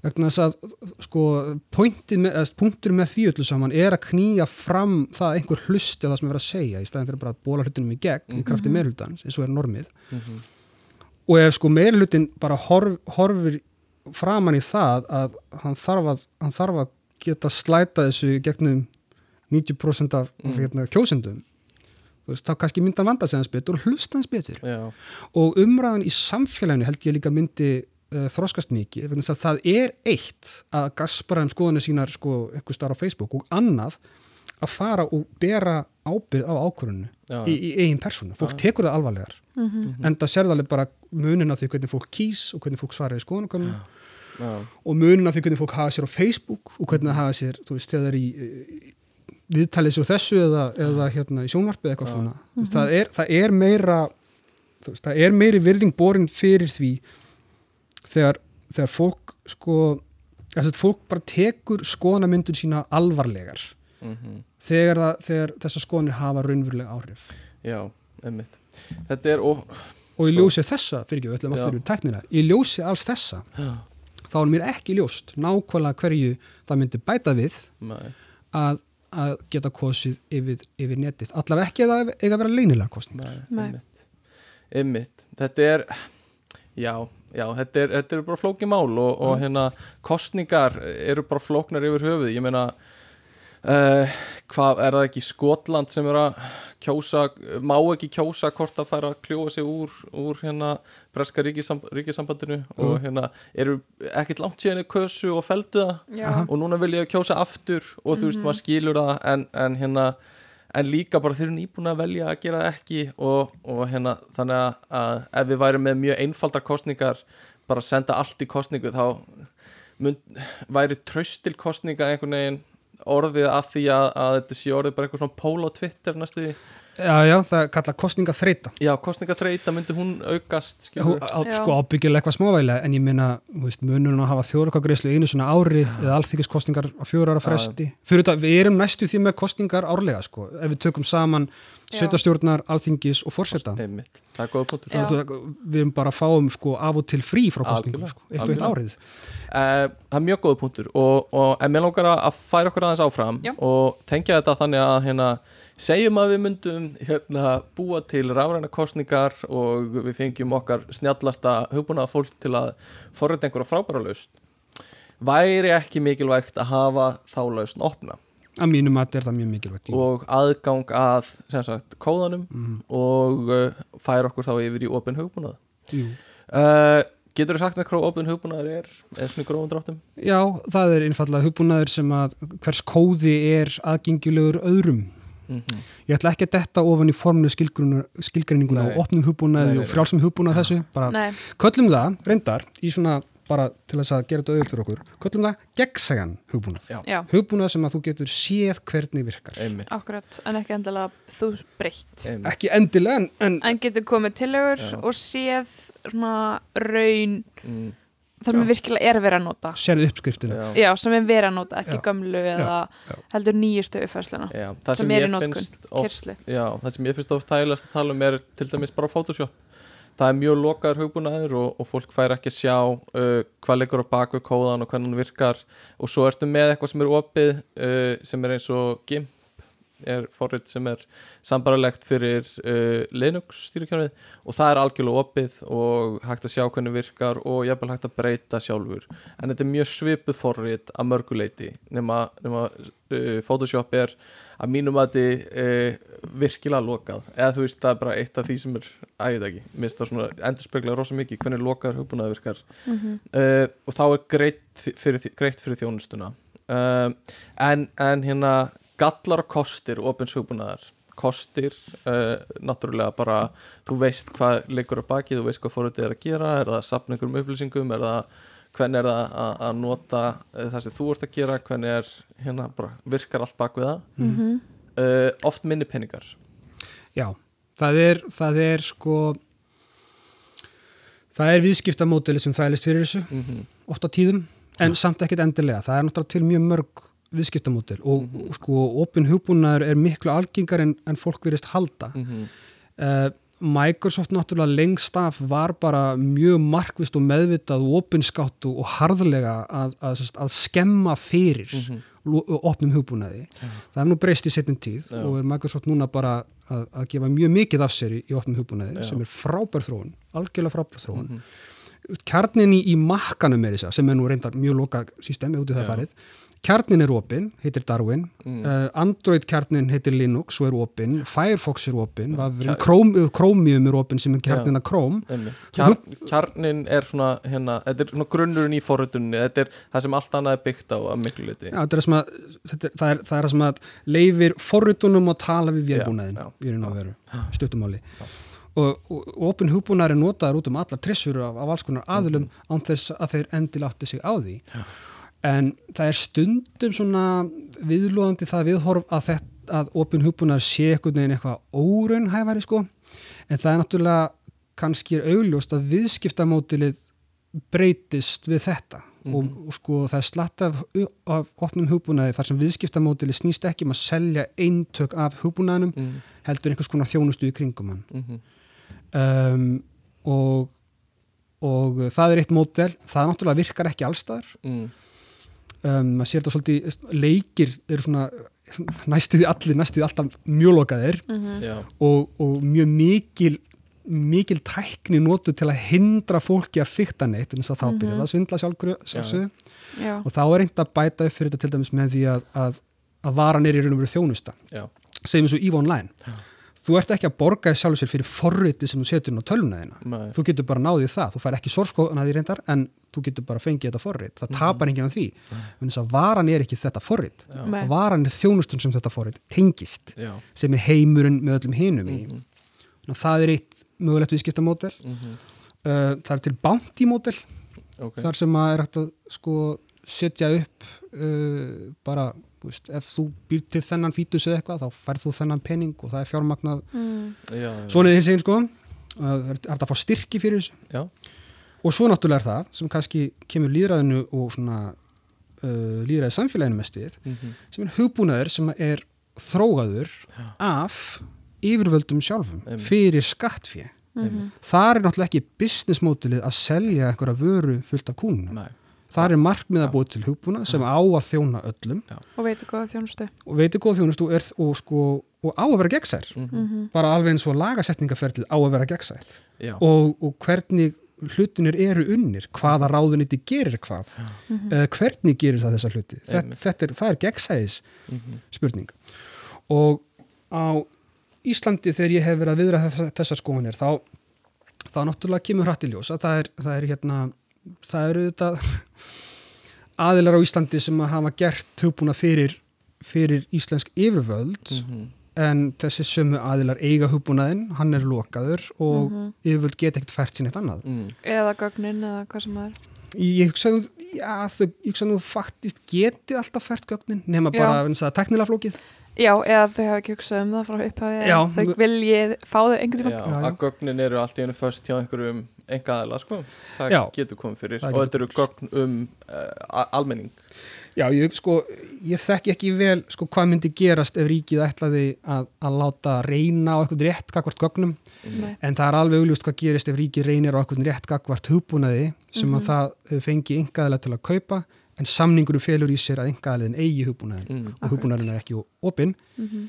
þá er réttur ríkisins í rauninni engin nema afnótarétturinn Mhm. samkvæmt sama samningi og þetta finnst mér uh, ekki bara sem sko fyrirvenandi stjórnmálamanni heldur bara sem forritara og Mhm. bara sem þú veist, kjósanda og skattgreðenda finnst mér ekki nógu gott Nei. mér finnst að yfirvöld þegar þau eru að sko að sérsmíða hugbúnað Mm. fyrir skattfé þá sé þetta almanna eign. Það, sko, Já. það er ríkið sem á að eiga þetta Já. og halda þetta um höfundaréttin Já. og kóðin á að vera opinn nema það sé einhver sérstug góðu málefnilega ástæð til, til þess að hafa hann ekki. Já, og það sem að þetta til dæmis myndi bjóð upp á ef þetta væri gert í meiri mæli er að, er að ríkið hefur aðganga miklu stærri markaði. Það þarf ekki alltaf að leita til sama aðilans sem bjóð til upprunalega hugbúnaðin það getur fengið bóð frá hverjum sem er til Mhm. þess að bæta hann eða uppfæra hann eða hvaðina Já, ef hann er opinn. Ef hann er opinn. Einmitt. og bara ef hann er opinn. Þá þurfum við ekki að fá Advanja aftur til að leysa verkefnið. Akkúrat. af því að hugbúnaður er opinn og þú veist, Origo getur komið að geta ekki. Já, akkurat, eða, eða yfirt og, og hvað eina. Um, og sumu leiði sko þá þarf að vera hægt að skipta um hugbúnað. Mm. þú veist, af og til bara þarf að byrja upp á nýtt. Já, já.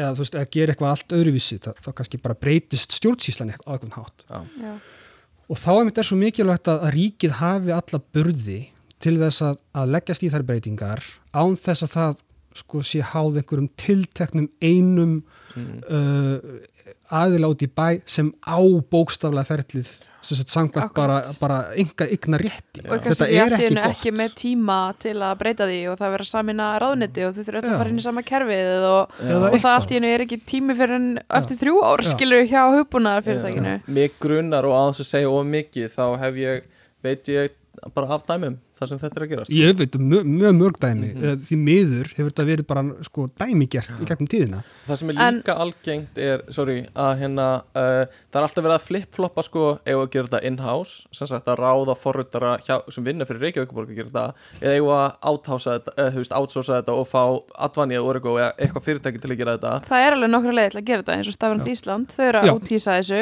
kaupa bara þjónustu, rosa mikið frá sendiráðinu og Júni og fleiri. Já, Reykjavíkuborg, hún er að ráða mikið af sérfræðingum til sín mm, en líka með verktaka. Mhm. En mér finnst, mér finnst oft vera svo mikið svona fram og tilbaka dót í þessu. Algjörlega. Sem hérna getur flækt hlutina og, og hérna Og en myndi líka- kannski einfalt að hafa þetta bara opið þannig að allir geti komið og tekið við og En þannig er líka sko pólitíkin að því að þú veist, það var einhver sem ákvað nefnilega að fara í að hafa þetta in-house já, og, það, og fólk tengi það við þett, þennan flokk Mhm. eða meirhluta eða eitthvað. Svo er einhver annar sem ákvað hitt og þá tengi fólk það við þau. Þannig og er bara svona að því að þau eru ósamála þeim mhm, skoðunum og þá eru þau bara ósamála þessari Mhm. aðferð. Mhm, mhm. en svo líka, þú veist, gæti þetta líka verið að því að eins og við tölum um að þú veist fólk á bara erfitt með að fylgja framþróuninni. Þú veist, gæti þetta hafa verið bara mistök og vanþekking á því að hafa þetta inn í samningnum Mhm. þegar það var upphaflega gert veist, af hverju er þetta svona, af hverju er Akkurat. þetta ekki open source Akkurat. já, einmitt. Þarna, sko, þegar ég hef talað við pólitíkusa og svona fólki í kerfinu, eins og við skulum kalla það, mm um þessi mál, þá bara er eins og það byrtist ljós þegar það skilur þetta. En þetta er náttúrulega svolítið, þetta er svolítið, er nördalegt umræðefni sko. Þannig að það er ekkit, það er ekkit hlaupið að því að útskýra þetta fyrir öllum sem að taka þátt í ákvörðunum um Nei. hvort það verði svona. Nei, nei. Og það er auðvelt að, að hlusta hugmyndunum open source og hugsa með sér sko, þetta er nú bara eitthvað svona hérna, blóma, hi- bara kommunistar einhverjir sko, þegar það er bara ekki raunin. Þetta er bara, þetta er bara uh, á engan hátt róttækt sjónum Nei, nei, algjörlega. En það náttúrulega er það náttúrulega, þú veist, uh, þetta, er þannig að fyrirtæki sem að hafa hag að því að vera með enga að, e- að eiga hluta af því hvernig kerfið virkar Mhm. auðvitað vil ekkert missa þá eign sína. Nei, ég skil það alveg, en höfum bara hreinu það eru fjárhagslegir einhagsmunir já, og við erum að bera þá saman við þá almennu, almennu almenningshagsmuni Já, já, já, að hugbúnaður sé gegnsær og að skattfér sé nýtt almennilega. Algjörlega. þetta er það sem er að takast á þarna ekki, ekki hugmyndafræði, heldur þessir ólíku hagsmunir. Já, mhm, einmitt. Og hérna, það er það er ekkert að því þannig sé að að hafa hugbúnaðan lokaðan eða þú ert í einhver gerunum sko. það er bara, bara þitt að, að byggja business modelit út frá því. Uh, ég, það er hægt að færa rauk fyrir því að, að opin hugbúnaði sé betri leið í mörgum tilfellum en, en þarf ekki að vera. Uh, eitt tengt þessu uh, það eru margir sem myndu kannski segja líka að hérna það er svona strömmilínu lagaðara ef þú færir uh, hugbúnaðþróun til engagerans frekar en að, að láta ríkið þróa hugbúnað uh, þetta er bara eins og allt hvernig þá? bara að hérna ríkið sé alltaf með ekstra fytu á sér og tekur lengri tíma í að gera allt og, Já, já, jú, og hérna að hinn kapitalíski markaður myndi leysa þetta hraðar og Mhm. fyrir minni penning en þau fá, fá samt bara takmarkaðan pening þannig að hvar kötta þið af mm. þú veist, í geðanum Já, já. Þannig að, hérna, þetta, eru, þetta eru svona smá auka puntar sem ég langaði að koma með líka. Algjörlega. þetta er eitthvað sem er oft talað um sko. Um, og en bara og það er líka ekkert rétt að ránt í, nei, í innhás og át, veist, útýsing og að vera innan hús sko, ég held að fara rosa mikið eftir verkefnunum, bara hvað er verið að rosa gera. mikið sko. Já. það var ástofnað um dagina sem kom einhver sérfræðingur og það var akkurat einhver sem spurði. Já, að því að þú veist, stafræðind Ísland og svo Reykjavík gera þetta á en, já, Mhm. og, og það var alveg spenna í salnum að vita svarið sko, Já. því varst með fólk frá báða maðurlumanna og einmitt. hann svaraði bara blanda af báðu er gott og allir eitthvað, já já Já, einmitt, hliðum með því en sko, þessi hluti sem að þú ert að nefna um, hérna skal ég segja þetta að vera með eitthvað in-house og, Mhm. og svo leiðis um, sko, það, það er hinn svo kallagi kapitalíski markaður sem bara markaðurinn leysið þetta, hann náttúrulega gerir það betur undir ákveðnum kringumstæðum Mhm. og Já. ekki undir öðrum kringumstæðum Mhm. og líkil atriði sem gleymið svolítið oft hérna á þessu pínu litla landi okkar Mhm. er það að til þess að markasöflin vinni í þáu neytenda þá verður að vera samkeppni Já. já, það, það leysir ekki vandan að bara að það sé einhver sem á fyrirtæki fyrir einhvern stjórnari fyrir hönd ríkisins. Algjörlega. Það skiptir máli að sé samkeppni. Mm og, og, og þar sem við erum að fókusa sko, þá Mm. spurningu sko. Mhm. ekki hvort að það er Algjörlega, sko hvort það er þessi hinn sem gerir það sjálfur sér. Nefnilega sko. Já, samkeppni á milli hérna hvað er það, ég veit ekki hafkaup og bónus en er í sumi eigundur sem eiga, eiga í uh, allavega. Hérna það er alltaf ekki samkeppni um þú veist að, að hérna að laga hugbúnað sem að er beilinnis í eigu fyrirtækis út í bæ. Nei, það fyrirtæki á þann hugbúnað Mhm. og það fyrirtæki þarf að laga hann. Þa, og þá, þá, þá er ekki markaðurinn að, að þjóna hagsmunum mm. Hérna, skakkriðenda en hins vegar ef það væri hvaða fyrirtæki sem er eitthvað eins og er með hérna með stafrænu Íslandi sko, sem að, Mhm, svona, ég veit bara gott um það, það Algjörlega. góða verkefni sko, mjög flott, að þar, þar færðu samkeppni, þar færðu nýjar hugmyndir líka. Færðu svona flóru af, af nálgunum ymmit og alls konar góðu hluti sko. og það er allt, mér, þú veist, mér finnst allt í leið að séu engaðilega sem gerir þetta. Allt í algjörlega góðu. sko. Bara markaðurinn þarf að markaðurinn virkar vel þegar að hann, þegar hann er heilbriður Mhm. við þurfum að passa hann séð Einmitt.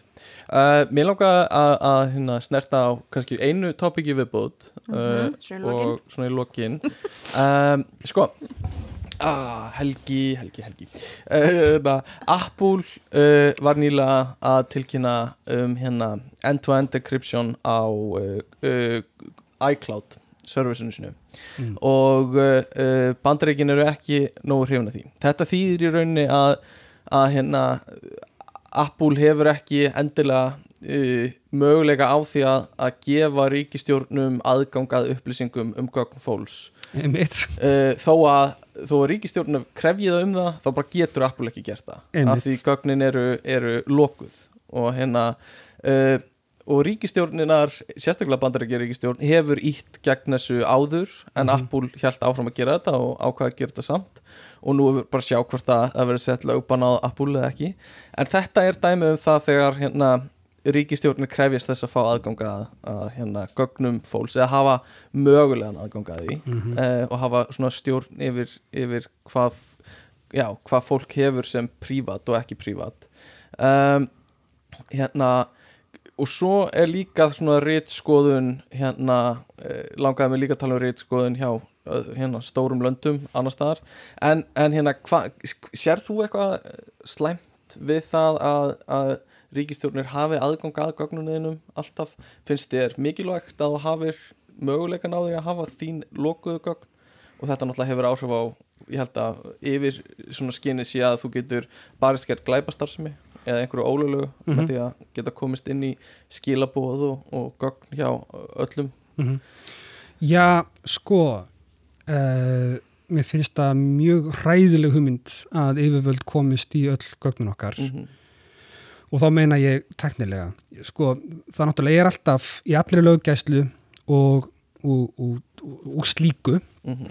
fyrirbyggja hriðverk og guðmanda hvað það þarf auðvitað, þurfa yfirvöld auðvitað einhver tól sem að almenningur nýtur ekki Mhm. eða málsið samkvæmt og ríkið er með engar rétt á því að, að handtaka fólk og, svoleiði sko. Mhm. stundum, stundum kallað hérna uh, með enga leifi á ofbeldi er að stundum kallað sko Mm og þannig þarf það að vera en það er annað sjónum með líka sem að tengist sko grundöllin með líðræðinu kannski meira í Þýskalandi og bandaríkjunum og, og svona ríkjum sem að hafa tekið svolítið djúbstæða umræðu um grundvallar líðræðskildi og það er það að, hinn, að borgarinn hann má ekki vera svo gjörsamlega vopplaus og meinlaus yfirvöldum að hann geti ekki skipt um þau. Já, og ef við erum að tala um það að við ætlum að fara að treysta yfirvöldum segjum bandaríkjana Mhm. þú veist, eða Ísland sem út í það er farið fyrir öll, gögn, sko, gögnum okkar sem eru líka skilur nektarmyndina til, til makana okkar. Einmitt uh, þú veist og, og játningar til vina og, og hérna og bara allt. Já, þá er, þá er borgarn ekki í stöðu til þess að skipta um yfirvöld ef yfirvöld ganga af göflunum. Og ég legg til að það sé frekar augljóst að þau geta frekar auðveldlega gengið af göflunum. Mm ég meina ef ég hugsa um eitthvað svona bestu manneskina sem ég gæti ímynda mér að vera fórseti bandaríkjana það er kannski ekkit voðalega hrættur við það hvernig, þú veist, foreldri mínir eða, eða systri mín færi með þessi gögn, ég mm. myndi treysta þeim ágætla því að þau skilja þessi gildi en Donald Trump var í alvörinu fórseti Mhm. þannig að það til mjög nýlega er það blessunlega ekki lengi, lengur og það, það, það munaði ekkit litlu Mhm. um það bara nýlega að við tæki sko valdarán já, og þá er yfirvöldin yfirvöld bandaríkina Mhm. farin að, að sjá allt sem að ég og þú segjum við hvort annan sem að við kannski viljum gera eða, eða vinna að til þess að skipta um þau stjórnvöld. Einmitt Þetta er, þetta er sko samt því ekki sverð vegna þess að sko valdaráns tilraunin að hérna 7. janúar hefði ekki tekist án, án tækni. Um, núna er hægt að drilla niður í sko samskipti þeirra þeirra sem voru að reyna að skipulegja þetta. Um, og eh, sko, mér finn, þetta er ekkert kannski ólíkt svona, uh, svona hugsunir bak við sko right to bear arms í bandaríkjunum. Er hérna, ég man ekki nú með hvað þessi hérna viðauki er í, í stjórnarskránni en annar viðuginn annar viðaukinn, second amendment. En hérna, það er þú veist og margir segja ef, ég, ef við þurfum að, að brjótast gegn ofstjórn eða eitthvað svo leiðis eða, eða eitthvað svo leiðis, þá viljum við geta haft okkar eigin vopn og, og vera tilbúin og, og geta verndað okkur ef að, ef að ríkistjórnin verður á mót okkur. Og alls konar svona pælingar.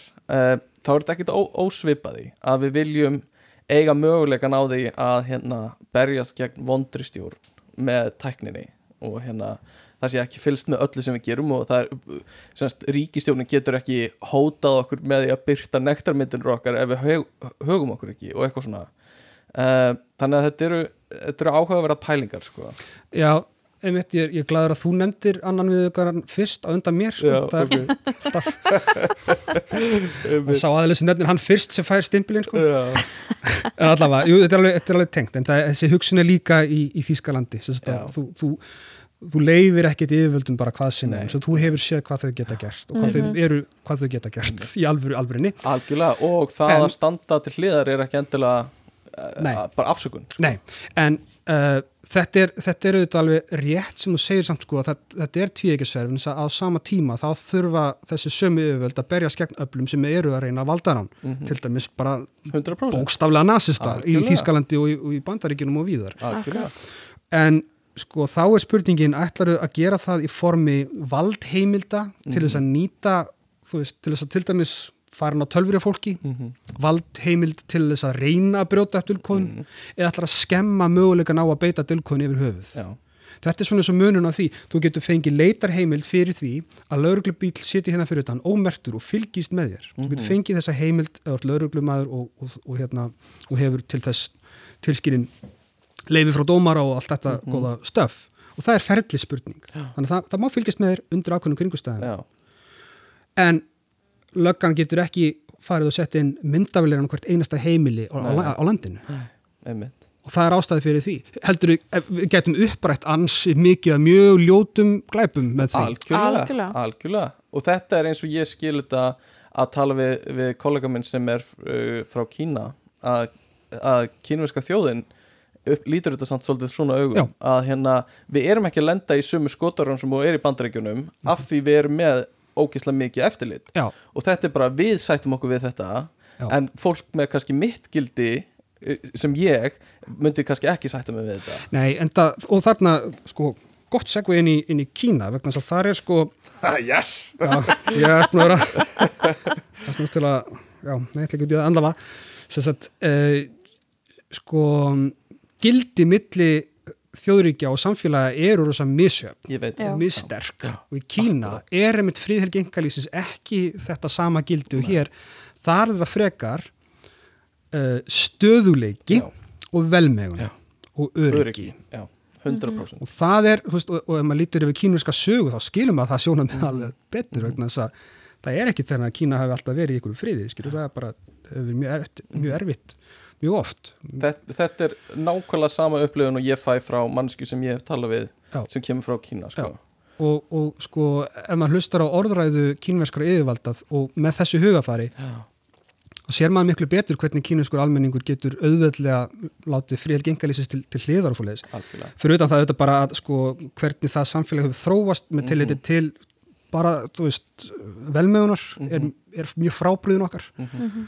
Og svo náttúrulega, já, spurning hversu langt maður á að fara í að, að ræða Kína, svolítið, umfangsmikið. áhugavert bara tengt Kína og er að sjá sko möguleikana sem, Mhm. sem eru sem ríkistjórnir gætu gert er, er hérna er ritskoðunin á, á spjöllum eða semst bara samskiptum fólks er ritskoðun á fjölmjölum Já. og hérna burt sér frá því hvað er finnst hérna hvað, hvað gildu þú hefur þá getur maður séð sko tækifærin og möguleikana sem hægt er að gera. Já, og þá er svo mikilvægt að sko að við höf, tökum aftur hérna byssurnar í bandaríkjunum. Það er náttúrulega, þar er líka talað um sko réttin til að verja sig gegn einhversu ræðstinu heimilið, mm eitthvað sem að mér finnst persónulega ekki alveg fundamental vegna þess að þú Nei. hefur laurugluna eða átt að hafa hann allavega til að verja, verja því í þeim tilfellum. En þegar það er löggan sjálf sem er orðin að sko nasistaflokki, Einmitt. þá þarftu að geta streyst á móti. Það þýðir ekki að þú er að hafa kjarnurkvotna búir í heimilinu. En þú þarft að hafa einhvern svona fræðilan sens á því að, að vinna saman með öðru fólki Einmitt. til þess að breyta því ásökumulagi og það það geta að vera með vopnum. Það bara getur falið í sér að deila hugmyndum og, og, og bönnuðum bókum þú veist, og bönnuðum hugmyndum og þess áttar. Og sá réttur er svo mikilvægur. Og það er ágætt að hafa til, til hérna til hérna uh, til hliðsjónar að veist, í ríkjum þar sem er gríðarlega mikil áhersla á það að, að hindra tilteknar hugmyndir Já. segjum Sáti Arabía að þar eru aðferðinar sem eru notaðar þær sömu og ef þú ætlar að, að uppræta alla glæpi. Mhm. þess að þar eru bara glæpirnir aðrir heldur en hér. Í staðin, staðin fyrir það að glæpurinn sé að sá að, að, hérna, að deila þú veist, uh, þú veist að fremja myndrænt kynfyrirsópildi til dæmis mjög alvarlegur og vondur og ljótur glæpu sem við höfum að stöðva.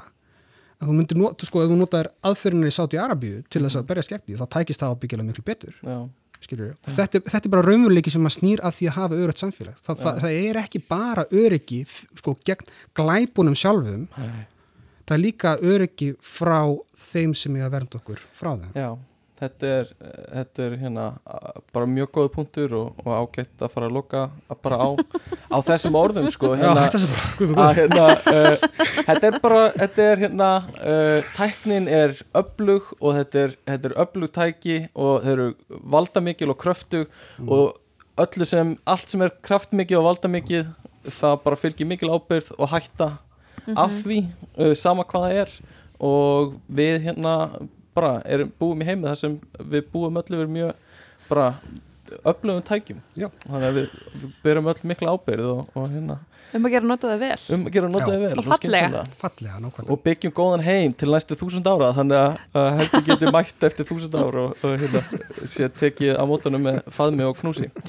Uh, hérna takk kærlega fyrir að koma og spjalla við okkur um þetta Takk og, sem leiðis og, er eitthvað sem þú vilt bæta við í lokin? Viltu gefa okkur um sjátt eða hvað svo leys uh, bara hérna yðnaðinum á Íslandi held ég. Mhm. bara teknið yðnaðinum það er, það er eitt sem er svo gaman hérna þegar maður hefur aðeins samanbyrðin við, við önnur lönd er hvað er akkur en alltaf mikil gróska á Íslandi. Mm. þú veist það er alltaf svo mikið pepp það er ekkert alltaf í rétta átt en, nei, nei, en það er alltaf frekar mikið pepp og mikið í gangi. Já, og hérna við eigum bara að nýta það halda áfram að nýta það sem við erum að nýta það í já, og nýta það ennþá meira sko. Hugum direkt fólk. Já, hljóma vel, þannig að takk fyrir að hlusta og, og takk fyrir komuna. Takk fyrir takk komin sem leiðis